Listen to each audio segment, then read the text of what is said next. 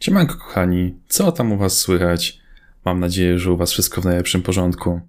Słuchajcie, dwa tygodnie temu rozmawialiśmy sobie o wadach storytellingu, później była ta tygodniowa przerwa, a dzisiaj będę chciała, abyśmy porozmawiali troszeczkę o improwizacji.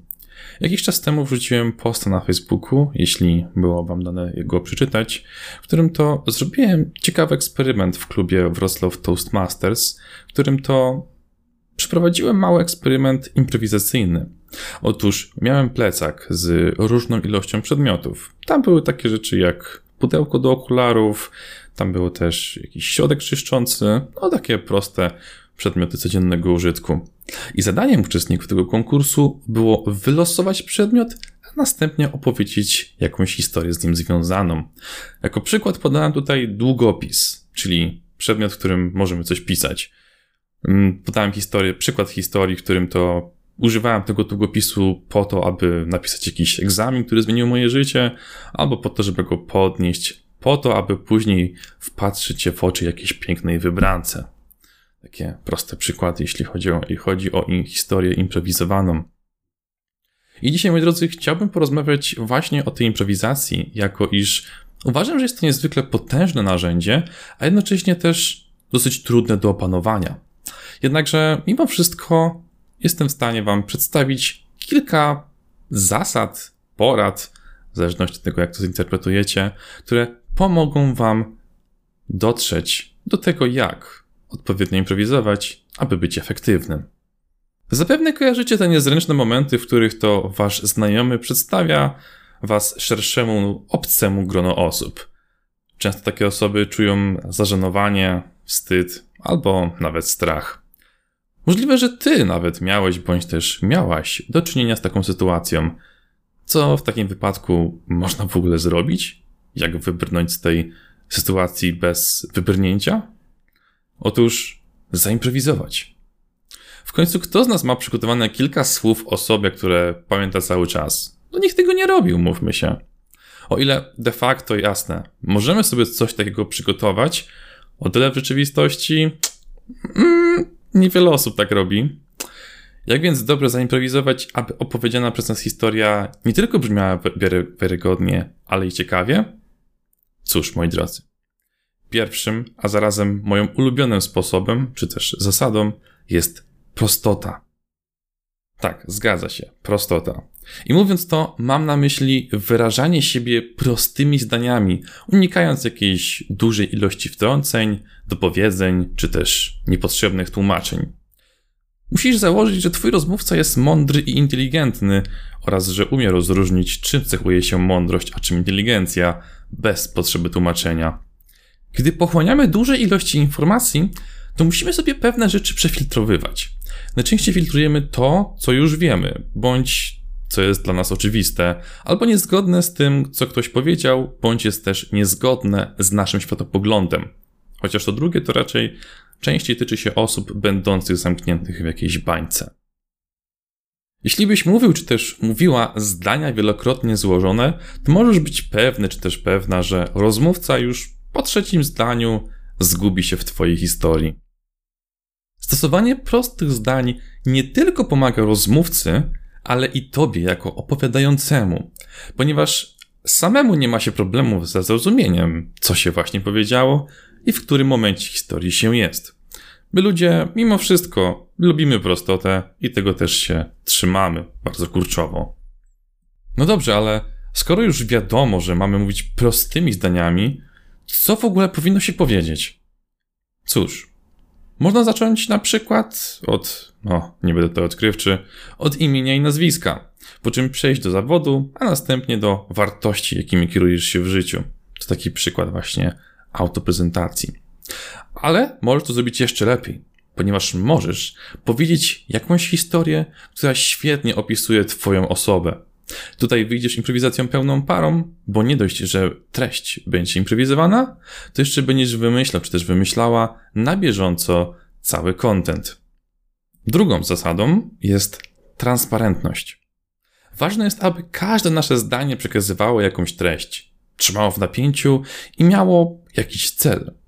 Kiedy opowiadamy o jednym i tym samym, przykładowo jak ktoś się bał, ojejku, jak on się bał, ojejku, jak bał się, bał i bał, bał, ojejku, tak bardzo się bał, że bał, aż bał się, że bał, a tego, że bał się i też bał. No, oczywiście od tego nam się chce żygać trochę, jak tak kręcimy się w kółko. Drugie zdanie powinno wynikać z pierwszego, trzecie z drugiego i tak dalej, i tak dalej. Nie musisz pokrywać wszystkich wątków, ani odpowiadać na każde jedno pytanie, jakie potencjalny widz może sobie zadać w głowie. Twoim zadaniem jest opowiedzieć historię, która będzie miała swój początek, rozwinięcie oraz zakończenie. W jakiej formie? To już oczywiście od ciebie zależy.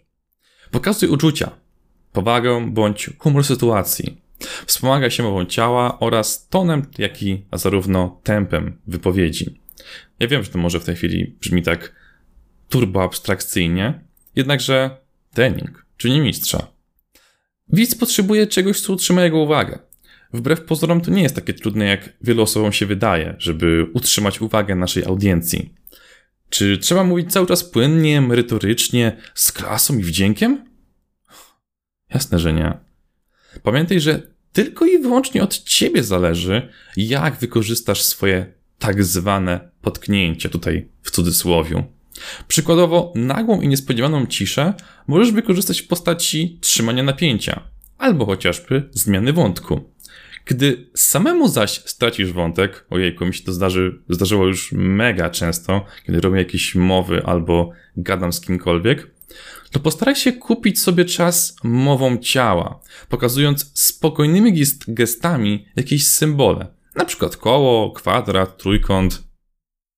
Ja wiem, że może to brzmi trochę bez sensu to, co mówię, ale pamiętaj, że cały czas to jest jedna z najważniejszych kluczowych rzeczy, jeśli chodzi o storytelling. Publika nie ma pojęcia, co się właśnie z tobą dzieje na scenie. Jeśli ty gubisz wątek, to publika za cholerę tego nie zgadnie, dopóki im tego nie powiesz, albo nie zrobisz jakiejś minutowej pauzy. Naprawdę. Oni myślą, że to jest część przedstawienia, więc jeśli ty tworzysz te kształty swoimi dłońmi, nogą, głową, czy czymkolwiek tam, co masz pod ręką, to publiczność myśli, że no coś się dzieje. Halo, on coś robi. Co to zaraz będzie oznaczać? Można zaskoczy. Kto wie? I wtedy ty masz dużo czasu, aby wrócić do zgubionego wątku, bądź też nawet zaryzykować jego zmianę, potem po to, aby być może później przypomnieć sobie to, co straciłeś i w miarę możliwości do tego też wrócić. Ostatnią zasadą dobrej improwizacji jest plan. Tak, i to brzmi trochę niedorzecznie, bo w końcu jak zaplanować niezaplanowane? To w sumie jest główna część improwizacji. Planujesz niezaplanowane. Mówiąc plan, mam na myśli podejście do całej improwizowanej historii. Jednym z takich planów jest na przykład, na przykład wymyślenie morału, z jakim chce się skończyć, a resztę swojej historii zostawić losowi. Wtedy mamy pewność, że przekaz tego, co chcemy powiedzieć, będzie miał sens. Bardzo często, kiedy słyszymy czyjeś wystąpienie, to właśnie ten morał jest tym, co zapada nam w pamięć. Na rzecz tak naprawdę dobrego morału możemy wybaczyć nawet najbardziej nużący środek, jak i też początek wypowiedzi. Drugim planem, który ja osobiście uwielbiam, jest humor. Mało odkrywczo, co nie? Ale jak bardzo potężne jest to narzędzie. I teraz zaraz wyjaśnię o co chodzi, ponieważ nie chodzi tu tylko i wyłącznie o samo rzucanie nie wiem, żartami. Wyobraź sobie sytuację, której, o której mówiliśmy na początku. Twój przyjaciel przedstawia cię dużemu grono swoich znajomych, a ty nikogo z nich oczywiście nie znasz. A twoim zadaniem jest opowiedzieć kilka słów o sobie. Nawet nie wiesz, jak bardzo dobre wrażenie na nich zrobisz, kiedy będziesz mówić w sposób wyluzowany.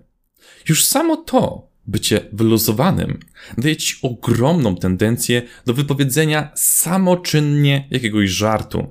To, że jesteś luźny, to, że tak luźno interpretujesz rzeczywistość, sprawia, że samoczynnie, nawet nie zdając sobie sprawy, że to było zabawne, możesz kogoś rozbawić. Niekoniecznie tu chodzi o to, żeby zaraz ktoś musiał płakać ze śmiechu, ale już zwykły, prosty uśmiech na jego twarzy, rzucenie czegoś bystrego, inteligentnego sprawia, że ludziom po prostu się robi dobrze na sercu.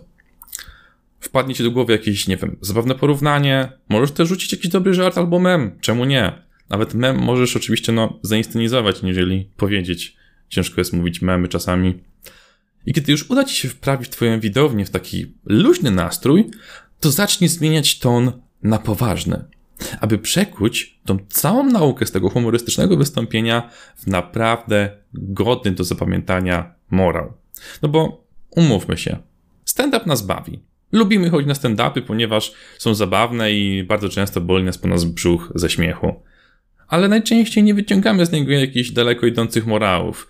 Bardzo często stand-up ma za zadanie po prostu nas rozbawić. A ten plan improwizowany, który teraz ja podaję, ma za zadanie rzucić jakimiś prostymi żartami, takich, żeby wprawić właśnie publiczność w lekki nastrój, a następnie wyciągnąć z tego lekkiego nastroju idącą naukę w takim lekko bardziej poważnym tonie. I dzięki temu twoja audiencja wie, z czym ma wyjść oraz jest niezwykle pod dużym wrażeniem twojego wystąpienia. A takim wystąpieniem zabłyśniesz przed praktycznie każdym. Podsumowując, improwizacja to zdecydowanie nie należy do prostych czynności. Nawet mając garść porad, wciąż jest to za mało, aby móc to robić dobrze. A droga do perfekcji jest jedna i ta sama jak w każdej innej czynności, czyli ciągły i regularny trening. Gdzie można taki trening odbywać? Chociażby w Toastmasters klubach, jak tutaj niejednokrotnie już na moim podcaście wspominałem, jako już tam jest pewien konkurs gorących pytań i tam możesz sprawdzać swoje umiejętności improwizacji. Ale czy warto w ogóle nabyć taką umiejętność? Po co nam ona w życiu? Cóż, uważam, że nie tylko pozwoli nam działać nieprzygotowanie w sposób przygotowany, rozumiecie o co chodzi, to tyle też pozwoli nam nabyć ogromnej pewności siebie, ponieważ nie tylko będziesz w stanie sobie poradzić nagle w trudnych sytuacjach, niezależnie od mm, panujących okoliczności, ale też zyskasz olbrzymią pewność siebie. Kiedy już ją zyskasz, to co innego może stanąć na drodze do sukcesu. Tyle ode mnie na dziś i do usłyszenia za tydzień. Trzymajcie się, cześć!